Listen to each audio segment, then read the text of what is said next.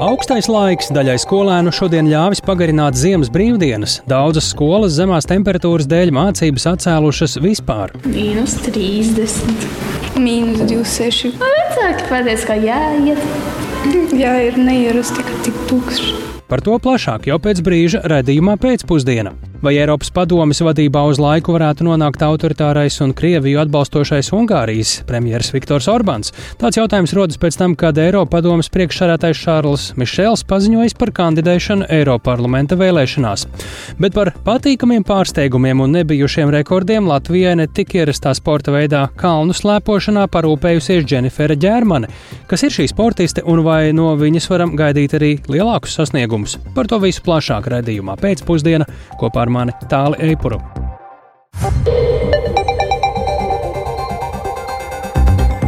Pūkstens rāda 16,5 minūtes, skan pēcpusdienas ziņu programma, skaidrojot šodien svarīgus notikumus. Studijā Tālis Eipurs. Labdien!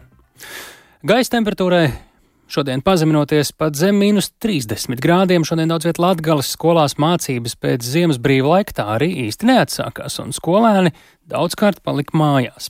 Latvijā bērni līdz 12 gadu vecumam var neapmeklēt skolu, jo gaisa temperatūra ir zemāka par mīnus 20 grādiem, savukārt vecāki skolēni mājās var palikt, ja temperatūra ir zem mīnus 25 grādiem. Līdz ar to izglītības iestādēs šī diena pagāja dažādi. Daļā mācības notika klātienē, dažiem vai dažiem desmitiem audzēkņu, kuri bija ieradušies, citas skolas jau vakar apziņoja skolēnus un vecākus, ka šodien darbs klātienē nenotiks. Turpina Madara Bērtiņa. Labdien! Labdien. Veiksmi darbā! Jā! Šodien darījām? Reizeknas novada Maltas vidusskolas 3. A klases audzinātāja Vita Martinova stāsta par darbu šodien, kad no 15 skolēniem klasē ir 3. Viņiem ir grupu darbs, un lūk, viņi strādā uzdevumos LV darbiņu. Tā viņi te viens otram palīdz, sadarbojas, un mums viss notiek pareizi. Jā. Maltas vidusskola ir viena no retajām izglītības iestādēm Reizeknas novadā, kuru darbs šodien noritēja klātienē. Lai gan no vairāk nekā 500 audzēkņiem skolā bija vien 49, pastāstīja Maltas vidusskolas direktore Vinēra Dimpere. Pie skolas man rādīja 24. Vienā ielā ir 28, citā ielā ir 26, kaut kur pie ezera 31. Tā kā nu, dažādi. Mēs esam tomēr ciemats un diezgan liels ciemats. Ja? Un, uh, pieņemt lēmumu, ka attālināti mēs tā nevaram un arī nedarīsim. Ja? Jo tomēr IKVD mājaslapā IKVD ir skaidrojusi, ka sals nav tas galvenais, kurš varētu tieši veidot šo mācības attālināti. Līdz ar to mēs pat par to nedomājām, ka varētu strādāt attālināti. Skolā šodien bija ieradušies tie, kuri dzīvo pavisam tuvu vai kurus ar mašīnu atveda vecāki. No rīta skatījos, mājās bija kaut kur pie 28, 29. Jā, no paša rīta, jā, bet eh, vēlāk kā palika siltāks, kaut kāda minus 22 varbūt. Kā jūs nokļuvāt skolā? Jūs atradat vai kājām nācāt? Mani atveda. Man arī tas bija. Mašīnas varēja vecāki iedarbināt? Nu, mazliet bija tādas problēmas, bet nu tikām galā. Septiņi mūsu klasē. Sociālās zinības. Sociālās zinības. Kurā klasē jūs esat? Astotā. Astotā. Kā jums šorīt? Mīnus 30. Mīnus 26. Vecāki pateica, ka jāiet. Jā, ir neierasti, ka tik tukšs. Kura klasē jūs esat? Devītā. Kā ir šodien divatā? Skumja nav klases biedru. Cik jūs parasti esat klasē? 18, 19. Un kāpēc jūs tā nolēmāt, ka ir jānāk? Jo stundas grūtas ir un varēs atkārtot. Skolēniem uz mācību iestādi šodien bija jānokļūst saviem spēkiem. Gan Reizeknis novads, gan vēl vairākas pašvaldības jau vakar izziņoja, ka skolēnu autobusu maršruti tiek atcelti.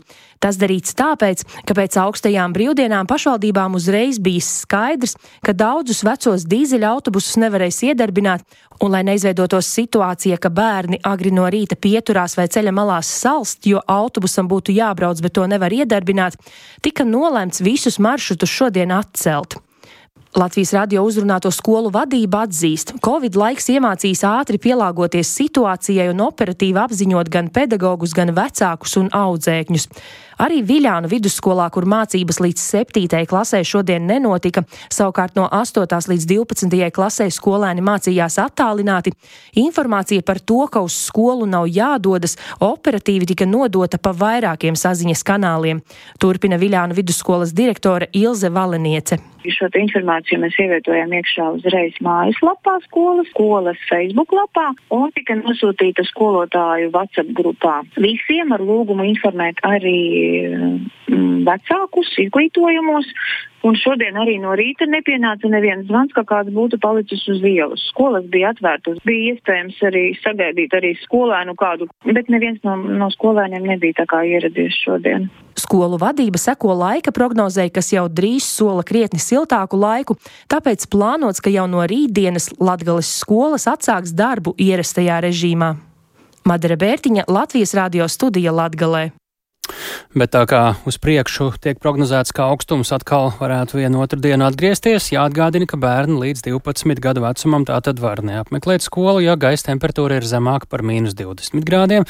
Savukārt vecāki skolēni var palikt mājās, ja temperatūra noslīdējusi zem mīnus 25 grādiem. Vai mācības atcelt vispār, kā tas bija, kā dzirdējām vairākās vietās Latgalē, tad tas jāizlemj pašām skolām.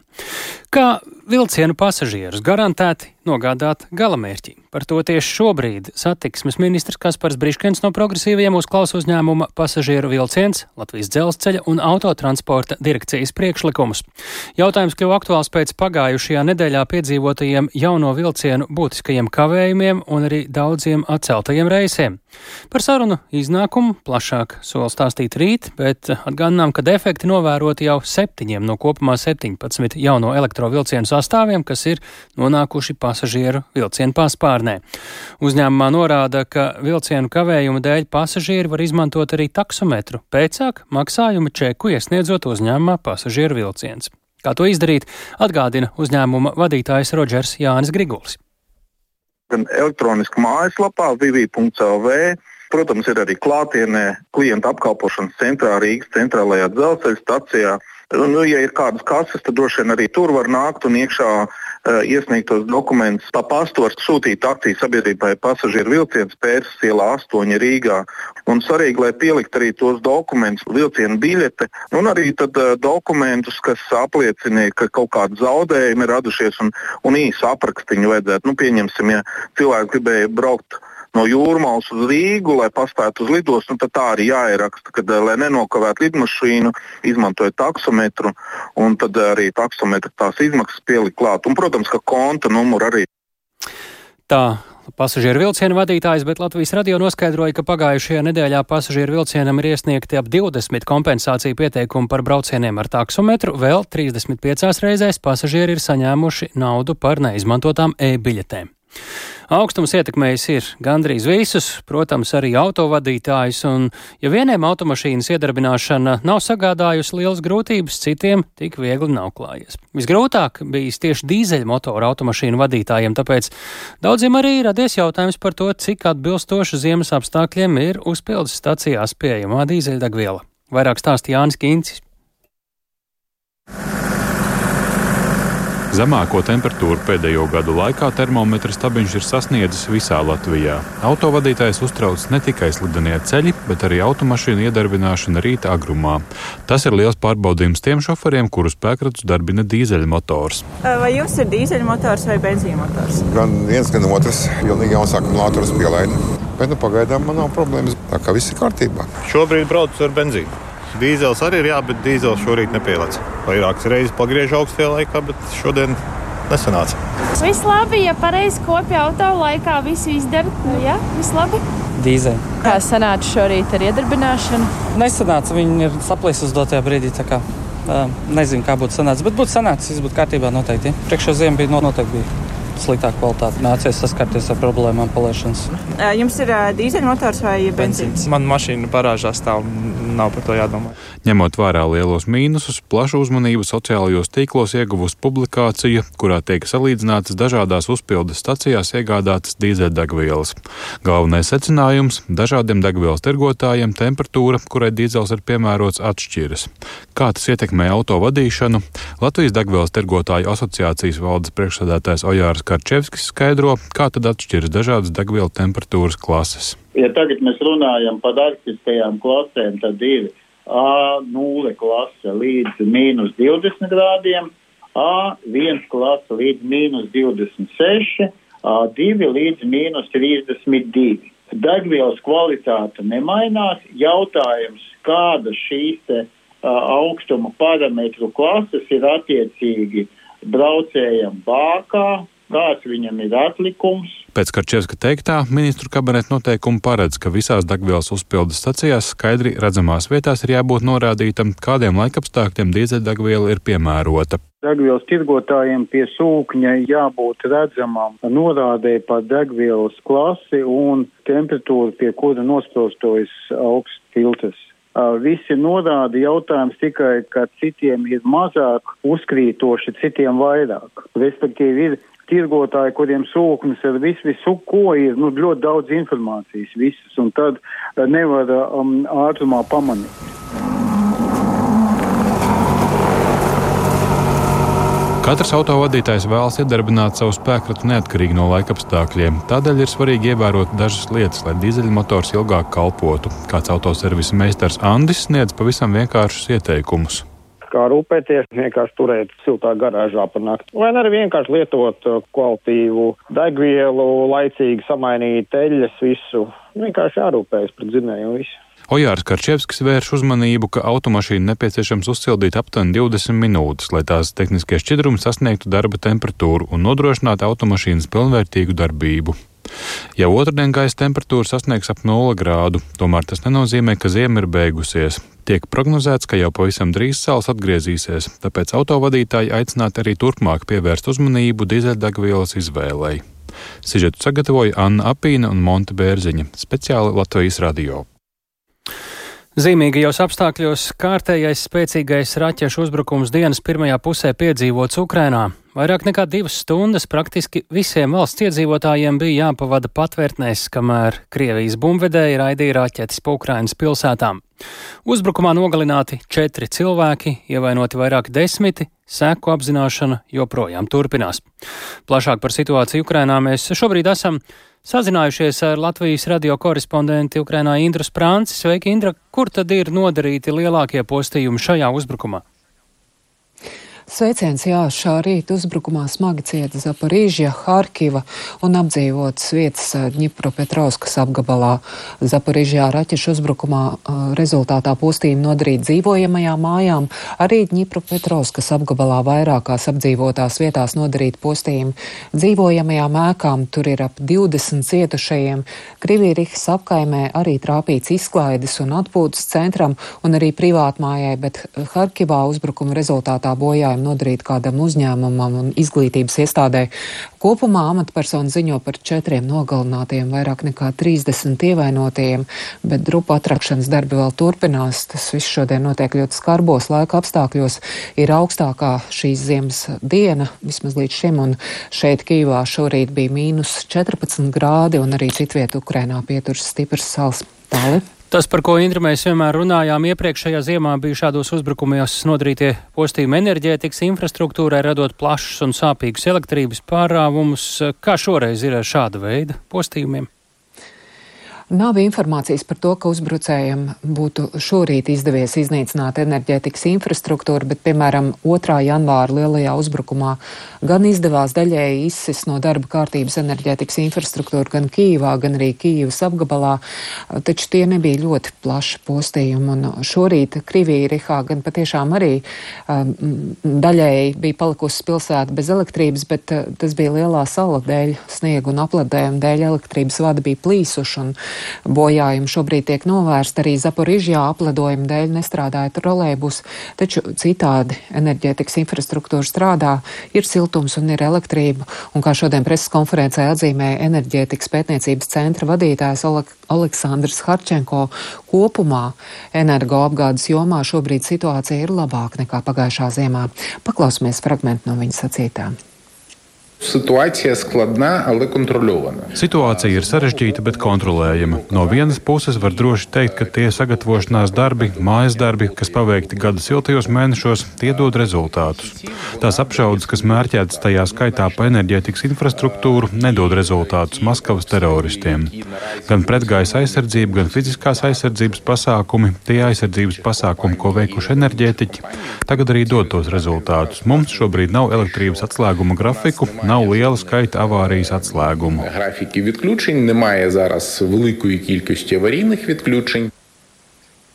Piebildīšu, ka Ukraiņi savu enerģētikas infrastruktūru sargā nevien ar šīm pretgaisa aizsardzības uh, sistēmām, bet arī izveidojuši fiziskas barjeras, tādu kā aizsardzības infrastruktūru, un kā stāstīja Kravčenko, arī nesenajā uzbrukumā Kīvai trāpīts kādā objektā blakus enerģētikas infrastruktūrai, bet tieši šī fiziskās aizsardzības infrastruktūras milšu maisi, betona kluči un vispārējais, kas izveidots ap šo objektu, ir nu, reāli arī pasargājuši to no sabojāšanas.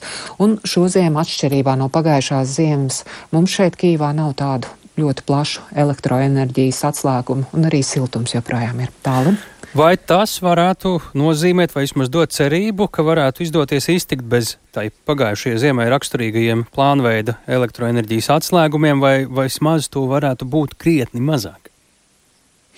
Tas ir atkarīgs no dažādiem apstākļiem, citas starpā, cik ilgi būs spēcīgs sals un cik ilgi Ukraiņiem izdosies turēties pretī Krievijas raķešu un dronu uzbrukumiem, kas pēdējā laikā patiešām ir ļoti vērienīgi. Un, kā skaidroja enerģētikas eksperts, piemēram, šodien no rīta, kad daudz cilvēku pavadīja patvērtnēs, Ukrainā par spīti ļoti lielajiem salām elektrības patēriņš nav sasniedzis augstāko līmeni, un ne, nebija arī elektrības deficīts. Savukārt jau šovakar tas varētu iestāties, un diemžēl e elektroenerģijas imports pašreizējos apmēros nesadz visas vajadzības, kādas ir Ukrainai, tāpēc um, Ukrainas iedzīvotāji ir aicināti taupīt elektroenerģiju. Paklausīsimies vēl vienu fragmentu no enerģētikas pētniecības centra vadītāja sacītā. Що стосується саме планових відключень, ми маємо добрі шанси. Kas attiecas uz plānveida atslēgumiem, mums ir labas iespējas iztikt bez tiem, bet tas ir tiešā nozīmē atkarīgs no katra dzīvokļa, katra saimnieka. Cik labi mēs spējam organizēt sevi un kaut drusciņi samazināt mūsu patēriņa līmeni darba vietās un mājās. No tā tiešām daudz kas ir atkarīgs. Jā, un piebildīšu, ka kopš pagājušās ziemas atbildīgie dienesti arī daudz vairāk gatavi šādām ārkārtas situācijām. Publiskās infrastruktūras objekti pārsvarā visi ir apgādāti arī ar ģeneratoriem, lai varētu strādāt arī apstākļos, kad nav elektrība, bet nu, tiešām cerēsim, ka tādi apstākļi nepienāks. Paldies, Indrais Prancē, tik tālu par šīs dienas Krievijas veiktajiem triecieniem Ukrainā.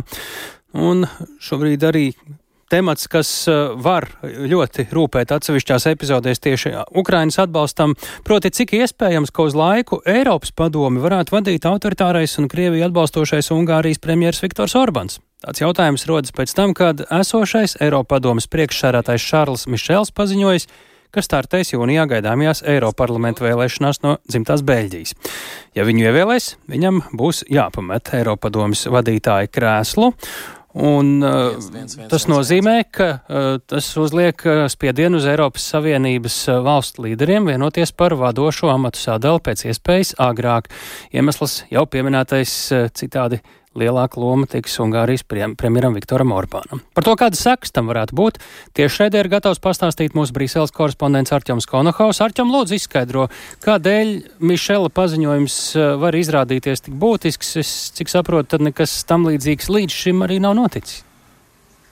Sveiks, tālu tik tiešām nekas tam līdzīgs līdz šim nav noticis. Mišels ir trešais Eiropadomas priekšsēdētājs, kopš šāds amats ir izveidots, un iepriekš šie cilvēki nav pārņēmuši, nav nolēmuši pēc tam piedalīties Eiropas parlamenta vēlēšanās. Un, kā norāda šī lēmuma kritiķi, tad tieši tajā laikā, kad notiek amatu pārdale, kad mainās Eiropas komisijas vadītājs, kad mainās Eiropas parlamenta priekšsēdētājs un daudz citas lietas notiek, ir būtiski vai vismaz viens amats būtu tāds, kas būtu, kuram termiņš būtu garāks un varētu nodrošināt stabilitāti. Bet Mišela lēmums tomēr startēt vēlēšanās nozīmē, ka šī stabilitāte netiks nodrošināta un faktiski liek visiem pārējiem sasparoties un jau pieņemta lēmumu par amatu sadali jau jūnijā, nevis varbūt vilktu to garumā līdz septembrim, kā daudzi bija paredzējuši, kā tas varētu notikt šajā konkrētajā situācijā. Savukārt Eiropadomas priekšsēdētājs Mišels pats ir sacījis, ka viņam šķiet būtiski stāties vēlētāju priekšā un uh, pierādīt, ka tie lēmumi, ko viņš ir palīdzējis pieņemt aizvadīto piecu gadu laikā, tiešām ir bijuši pareizi. Paklausīsimies viņa sacītām. Ir būtiski, lai 2024. gadā mēs aizstāvētu stabilu un stipru Eiropu, kas aizsargā savus pilsoņus. Mēs labi apzināmies, kādi draudi pastāv. Karš pret Ukrainu atstāja ietekmi uz Eiropu. Mēs redzam arī nestabilitāti tuvajos austrumos. Mēs redzam arī, cik svarīgi ir strādāt Eiropas ekonomiskās attīstības veicināšanai, lai nodrošinātu, ka klimata un digitālā pārēja notiek veiksmīgi, kā arī aizstāvētu Eiropas ģeostrateģiskās intereses.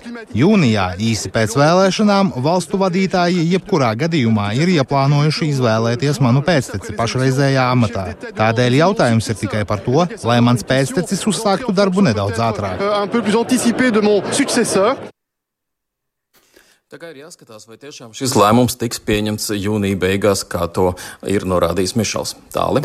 Jā, ar tevi ņemot vērā Šarla Mišela atpazīstamību, nu es minētu, ka viņi tiešām varētu ievēlēt Eiropas parlamentā, kā tur ir ar tām izredzēm, kāda ir viņa popularitāte Beļģijā un cik līdz ar to reāls viss šis stāsts ir.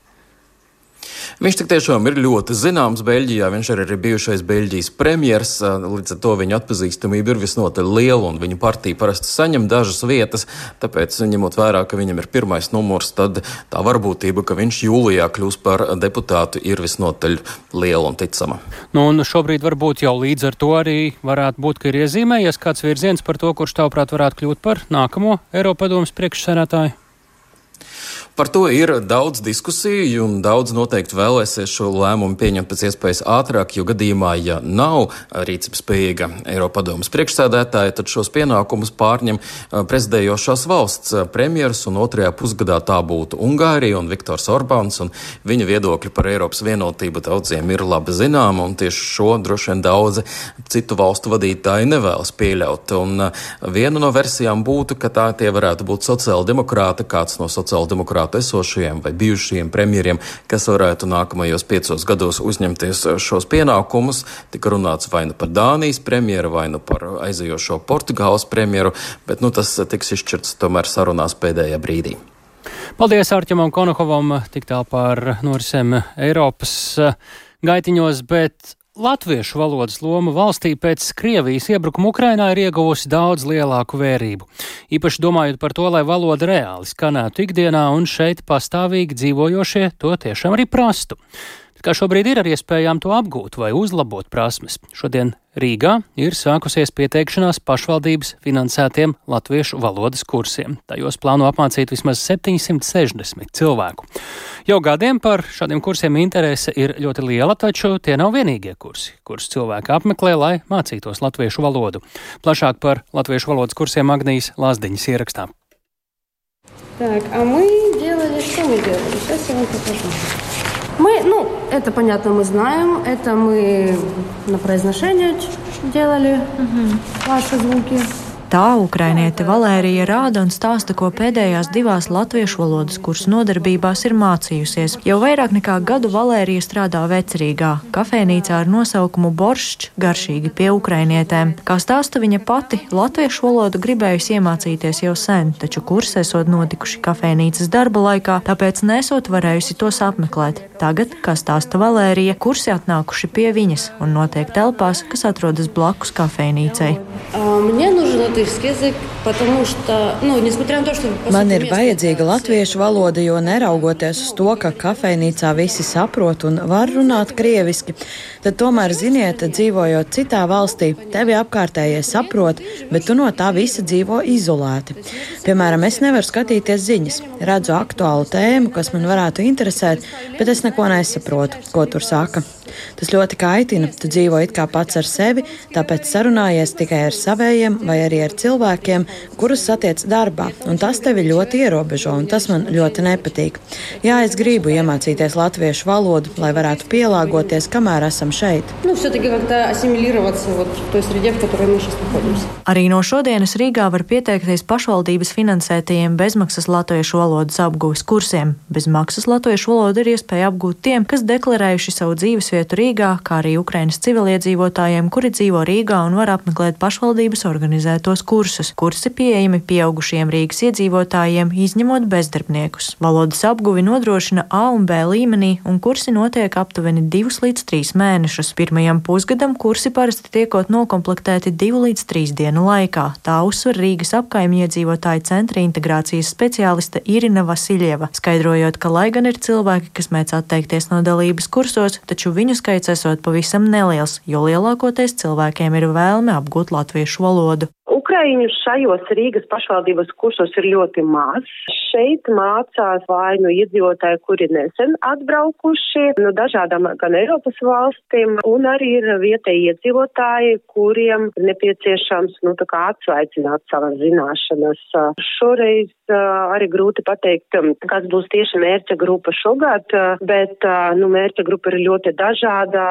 Šie ir strādājošie cilvēki, kuriem ir interese apgūt latviešu valodu vai kuriem ir interese uzlabot savas zināšanas. Arī Ukrainas bēgļu centra vadītājs Pēteris Grūvis stāsta, ka uz Latviju atbraukušajiem ukraiņiem ir daudz un dažādas iespējas apgūt latviešu valodu. Kursus rīko gan Ukrainas bēgļu centrs, gan Sabiedrības integrācijas fonds, gan arī citas iestādes, kur lielākoties valodas apguvēsot bezmaksas. Līdz ar to iespējas krietni lielākas nekā trešo valstu pilsoņiem. Pieprasījums ir diezgan labs. Mēs te uz janvāra sākumu savā centrā organizējām trīs grupas. Pāris nedēļu laikā mēs viņus savācām, bet interesi ir par mācībām. Lielākoties tie ir strādājoši cilvēki, tie cilvēki, kas saprot, ka ļoti ilgi, nu, iespējams, arī Ukraiņiem nebūs šī atlaide, ka viņi var strādāt bez latviešu valodas zināšanām. Tad tie ir augstākas kvalifikācijas profesionāļi, piemēram, mediķi, kuriem pilnīgi noteikti vajadzīgi ir, teiksim, B1 vai B2 kategorija. Un tad ir, protams, arī, arī, arī jaunieši, skolnieki, bērni. Runājot par pieredzi valodas kursos, ukrainieti Valērija atzīst, ka latviešu valoda nesot tik grūta, kā sākotnēji varētu šķist. Sākumā esot vien grūtības pie valodas pierast, taču vēlāk jau kļūstot vienkāršāk. Man patīk dzīvot Rīgā. Kāpēc? Kāpēc? А вот, да, вот, вот дальше я не знаю, как вам сказать, почему. Nu, lūk, un tālāk es nezinu, kā jums atbildēt, kāpēc man patīk Rīga, jo tālāk man galvā ir tādi vārdi, ko es latviešu valodā nezinu. Grūti man ir jums atbildēt, bet nu atnāciet pie manis pēc pusgada, un tad mēs parunāsim latviski. Agnija Lazdiņa, Latvijas radio.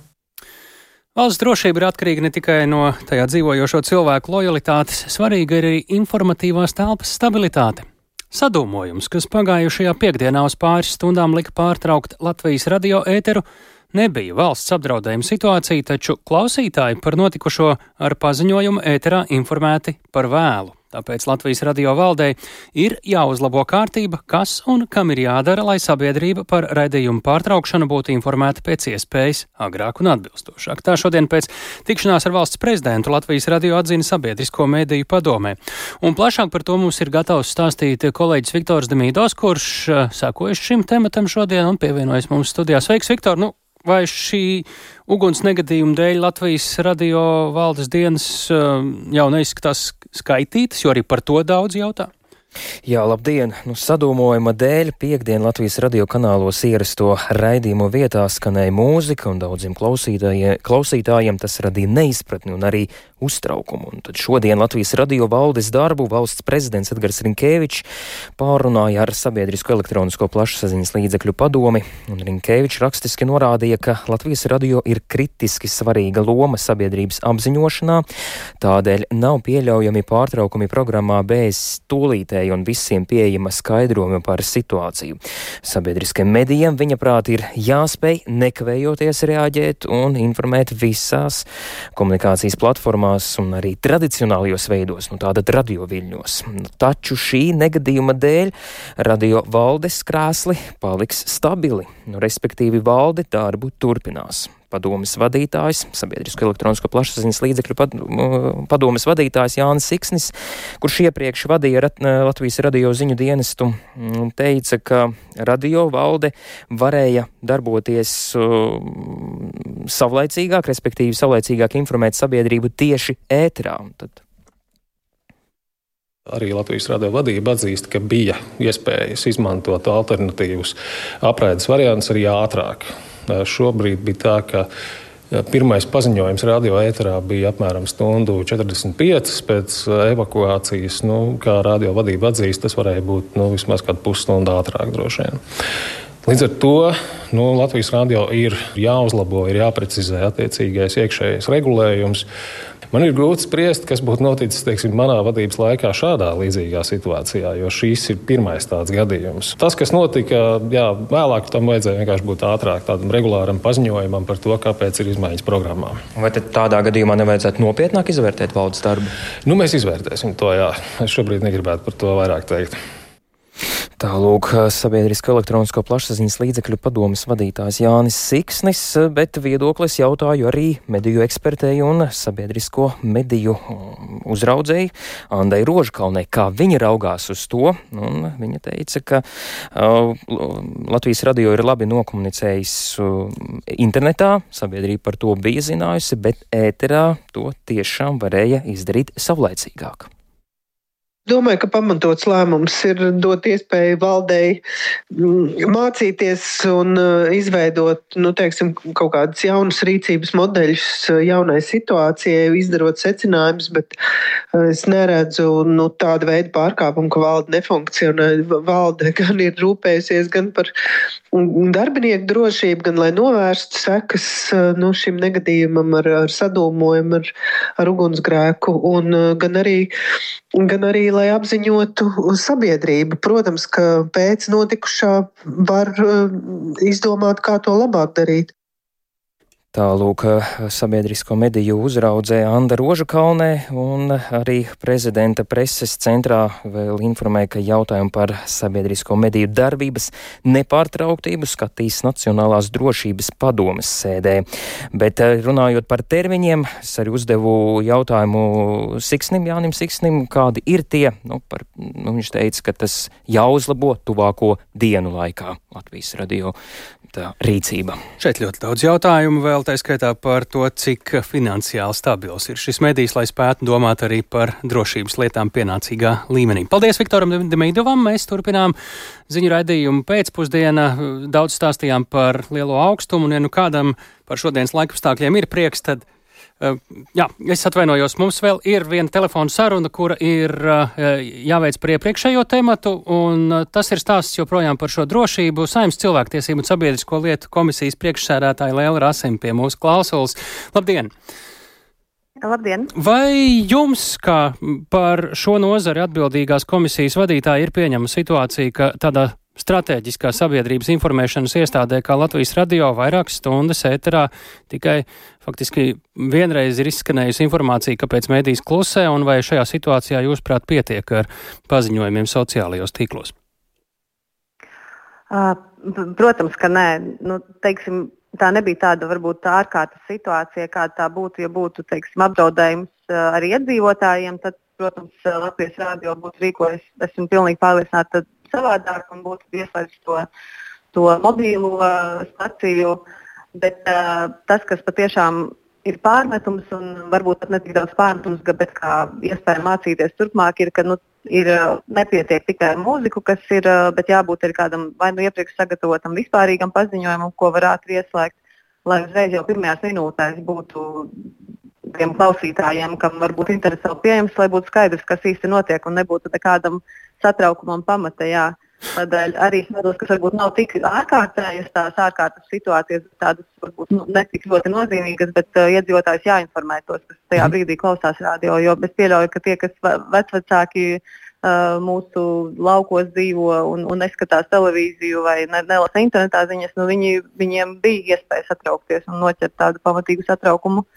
Vai jūs kā komisijas priekšsarātāji tās komisijas, kur tā skaitā lemj arī par finansējumu sabiedriskajiem medijiem, šī, situ, šī, šī situācija neliek iedomāties, ka tas tiešākā vai netiešākā veidā ir saistāms arī ar finansējumu trūkumu, kur sabiedriskajiem medijiem bieži ir jārisina izdzīvošanas, pašam savas izdzīvošanas jautājumi, un mm. kur varbūt vienkārši pietrūkst resursu spēka laika gādāšanai par faktiski valsts informatīvās telpas drošību. Es domāju, ka noteikti tas, tas ir iemesls daļai. Otrs iemesls ir, ka šī situācija, man liekas, ir pirmo reizi kaut kas tāds. Vismaz es savā, savā mūžā neatceros, kad iepriekš kaut kas tāds būtu noticis. Un, bet es piekrītu, finansējums ir liels, liels spēlētājs. Trešdien mums būs uh, cilvēktiesību un sabiedrisko lietu komisijas sēde, uh, kurā mēs lemsim par mediju apvienošanu. Un, uh, līdz ar Latvijas rādio un, un, un LTV apvienošanu kopā, tad tur arī finansējums būtiski pieaugs. Mēs esam panākuši to un tādēļ uh, Mēs ceram, ka arī visas šā, šīs lietas ne tikai finansējuma, bet arī no šīs uh, pieredzes, kas bija, jā, mēs, mēs pratīsim mācīties un turpmāk uh, būs momentāla rīcība un būs izstrādāts gan kā rīkoties, gan viss nepieciešamais būs sagādāts. Tātad situāciju skatīs arī mēs dzirdējām Nacionālās drošības padomas sēdē un arī redzējām, cik ātri bija valsts prezidenta reakcija un trešdien arī saimas komisijā. Kas ir tas pavisam īsi divos vārdos atslēgas jautājums, ko jūs virzīsiet eh, pēc šīs situācijas sēdē? Uh, nu, man ir svarīgi saprast, jā, ka, ka, teiksim, kā, kā atkārtot pie šādas situācijas, kā rīkotos nākošais. Un vai ir šāds, nezinu, kāds, kā, kā to nosaukt, algoritms, pēc kura tā tad momentā iz, un, un kas izvērtē. deputātiem būtu jāizdara, lai veicinātu šādu situāciju neatkārtošanos? Nu, jāprasa atbildība, lai sepulpē nodrošina to, ka Latvijas rādio tādos brīžos ir skaidri zināms, kā rīkoties, un lai viņi arī var momentā rīkoties. Hmm. Par finansējumu tad arī. Ja. Paldies par sarunu. Liela Rāsīmā. Nu, finansējums, uh, protams, par finansējumu arī runāsim, bet, kā jau teicu, finansējums mums ir piešķirts, un man šķiet, ka no tā finansējuma, kas ir piešķirts, tur jau uh, uzlabosies diezgan pamatīgi tas administratīvais darbs un, un visas šīs lietas arī. Paldies par sarunu. Lēla Rasima, Saimnes cilvēktiesību un sabiedrisko lietu komisijas priekšsarātāja, bet nu gan pie ziemas, un tur mums šoreiz labā nozīmē ziņas no sporta trasēm un laukumiem. Ar izciliem panākumiem nedēļas nogalē iepriecināja Latvijas slēpotājs. Turklāt slēpošanas disciplīnās, kur Latvijai augstvērtīgu panākumu līdz šim gandrīz nav bijis. Distanču slēpotājai Patricijai Edukai Karjeras rekordi sezonas galvenajās sacensībās Tour de Ski savukārt kalnu slēpotāja Dženifera Ģermane sasniedza līdz šim augstvērtīgāko rezultātu neatkarīgās Latvijas kalnu slēpošanas vēsturē pasaules kausa posmos. Un plašāk par šiem rezultātiem ir gatavs eh, ar mums spriest Māris Bergs, eh, kolēģis eh, Patricija Eiduk. Tātad Māri pirms Tour de Ski izteicās, ka vispār necer uz tikpat labiem rezultātiem kā vēl pirms gada. Toreiz, ja nemaldos, viņi bija 14. Arī pirms vakardienas pēdējā posma viņa teica, ka būs smagi, ir sagurusi. Un kā tad nāca tie rezultāti, kas šobrīd ir labākie viņas karjerā un cik augstā vietā viņa uzslēpoja? Jā, nu Patricijai sezonas starts tiešām bija samocīts veselības problēmu dēļ, taču ar Patriciju parunājoties jau tūrdes kī laikā, viņa pati izteicās, ka decembrī izdevies kvalitatīvi pastrādāt, patrenēties, un viņa jau jūtas atpakaļ savā ādā, ir daudz priecīgāka. Arī treneri bija sagatavojuši īsto plānu, lai viņa būtu gatava uz šo sezonas galveno startu. Vakar viņai smagākajā posmā piektā vieta, kofertējumā astotais rezultāts. Nu, varam pieminēt, ka vakardienas posmā izdevās pārspēt tūrdes kī uzvarētāju Jessiju Digi. Higginsu. Pēc finiša Patricija Edu, kas sarunā ar Latvijas radio norādīja, ka tagad gan viņai ir laiks atvilkt elpu un atpūsties. Klausāmies! Šobrīd ir vajadzīga kārtīgās atjaunošanās dienas, kas nozīmē daudz mazāk treniņus, mierīgākus un tiešām izgulēties no rītiem un vienkārši, teiksim tā, beidzot pabaudīt dzīvi vairāk, jo šī, visas šīs deviņas dienas Durdaskī bija ārkārtīgi nervozas un ļoti daudz enerģijas tika patērēta. Jā, nu, distanču slēpotājiem šoreiz tiešām ir laiks atpūsties, jo nākamie starti tikai 19. janvārī. Tāli. Tātad par jauniem rekordiem kalnu slēpošanā vakar, kā jau minējām, parūpējās Dženifera Ģērmana. Viņai 12. vieta slalomā un tik augstu neviena Latvijas kalnu slēpotāja kopš neatkarības atgūšanas pasaules kausā nav bijusi. Par šo sportistu iepriekš plašāk publika bija uh, maz dzirdējusi, lai arī bija izskanējuši ziņas, vai šādi rezultāti tomēr uh, nav negaidīti. Jā, nu par ģermani kā talantīgu sportistu tiešām tika runāts jau ilgāku laiku, un, kā izteicās cilvēki no kalnu slēpošanas vides, tad viņi zināja, ka talants tur ir un arī rezultātiem agri vai vēlu ir jābūt. Pēdējos gados viņu mocīja traumas, taču nu, speciālisti domā, ka viņa var sasniegt vēl vairāk. Galu galā viņas māte Ulla Lodziņa 80. gadu beigās bija ļoti augsta līmeņa kalnu slēpotāja, un arī pati Dženifera ilgus gadus nu jau trenējas ārzemēs pie augsta līmeņa speciālistiem, un viņas talanta izkopšanā tiešām liels ieguldījums ir no pašas ģimenes. Latvijas sportā tiešām šādu ģimenisku piemēru mums ir daudz, un iepriekš labākais rezultāts neatkarīgās Latvijas kalnu slēpošanā piederēja Leldei Gasūnai. Viņa sarunā ar Latvijas radio atzīmēja, ka šādi panākumi nāk par labu visam kalnu slēpošanas sportveidam Latvijā. Klausāmies!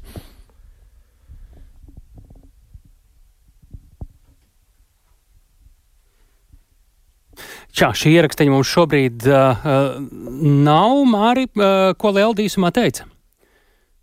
Jā, nu, viņa teica, protams, ka priecājas par to, ka ir šādi panākumi, un tas tikai pierāda to, ka no Latvijas, no valsts, kurā nav lielu kalnu, arī ir iespējams izsisties strādājot pareizajos apstākļos ar tiešām augstu mm -hmm, līmeņa jā. speciālistiem, un viņai katrā ziņā ir prieks. Jā. Nu, līdz ar to paldies, Māri, mums prieks par Dženiferu ģermani, un sakosim šim vārdam un uzvārdam līdzi. Nākamajiem startiem tādi arī jau ir ieplānoti. Mēs sakām paldies, ka klausījāties redzējumu pēcpusdienu. Un ar to uh, jūs iepazīstinājāt tāls eipurs, Ilza Agīnta, arī Kaspars Groskops, Rita Kārnača. Tiekamies kā katru darba dienu atkal rīt 16.5.